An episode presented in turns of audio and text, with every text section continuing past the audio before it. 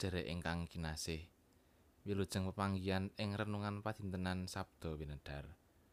Kados adat sabenipun, kita maos pangandikanipun Gusti lan kita kegilut ing salebeting manah kita. Saderengipun sumangga kita ndedonga sesarengan.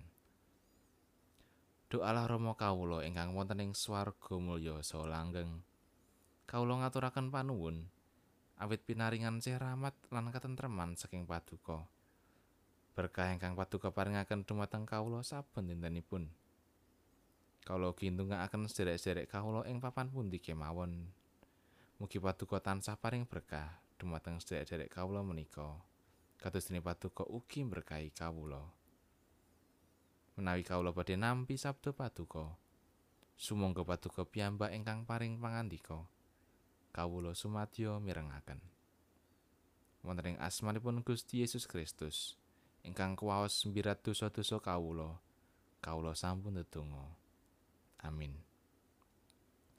Para sederek waosan kapendet saking Injil Lukas bab 9 ayat pitu ngantos songo. Lukas bab 9 ayatipun pitu ngantos songo. Sumangga kita waos sesarengan. Sang Prabu Herodes lan Gusti Yesus. Kocapo Sang Prabu Herodes? Nata wilayah? Mireng sakabehing lelakon mau banjur rumaos kemengan.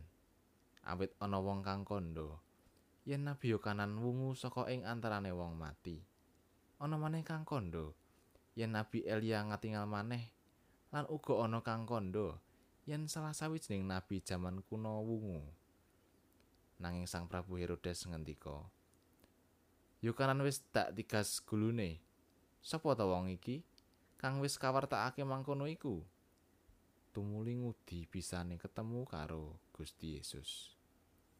Makatan pangandikanipun Gusti ayat nasing menika ayat songo nanging sang Prabu Herodes ngandika Yo kanan wis tak digas gulune sapa ta wong iki kang wis kawartakake mangkono iku? Tumuli ngudi bisane ketemu karo Gusti Yesus. Para sederek, renungan dinten menika kaparingan ira-iraan pinanggih Gusti. Saben-saben kawadalaken produk handphone enggal, padatanipun kathah tiyang ingkang sami kesengsem kepengin nyumerepi, nyobi lan kepengin hanggadai handphone menika. Pancen menawi wonten menapa kemawon ingkang taksih enggal, menika damel sengseming tiyang kathah lajeng nukulaken melik. Makatono ugi ingkang pinanggih ing gesangipun Sang Prabu Herodes. Piyambakipun kepengin sanget ngertos nanging ugi rumaos was-was kalian pawartos wontenipun setunggal tiyang ingkang dipun suyuti tiyang kathah lan ageng panguwaosipun. Menapa malih Sang Prabu Herodes mireng kabar bilih tiyang menika estunipun yoganan pembaptis ingkang wungu malih. Sasampunipun katigas jangganipun dening Sang Herodes piyambak. Ewa semanten saperangan tiyang wonten ingkang mastani bilih tiyang menika Nabi Elia ingkang rawuh malih. Lantas kathah malih sebatan-sebatan tiyang kangge mastani Gusti Yesus. Perkawis menika damel Prabu Herodes kuatir. Nanging ugi nuwuhaken raos kepengin pinanggih kalian Gusti Yesus. Kanyatanipun Sang Prabu Herodes boten nate saged pepanggihan kalian Gusti Yesus. Awit piyambakipun boten nate gadah niat ingkang saestu lan tulus anggenipun badhe pinanggih kalian Gusti Yesus.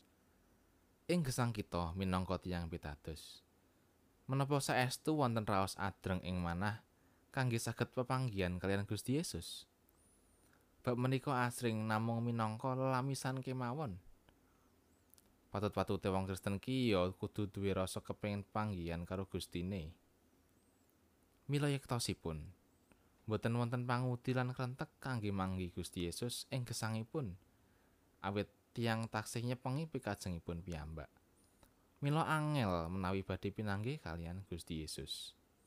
Nanging menawi tiang saestu sumarah lan tulus anggenipun kepingin pepanggihan kalian Gusti Allah, mesti panjenenganipun mesti kemawon kersa kita panggihaken ing geseng padintenan kita.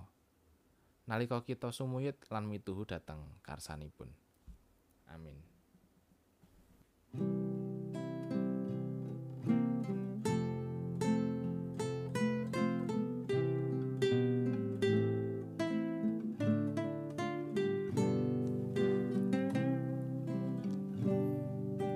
Dias kita timen samanyo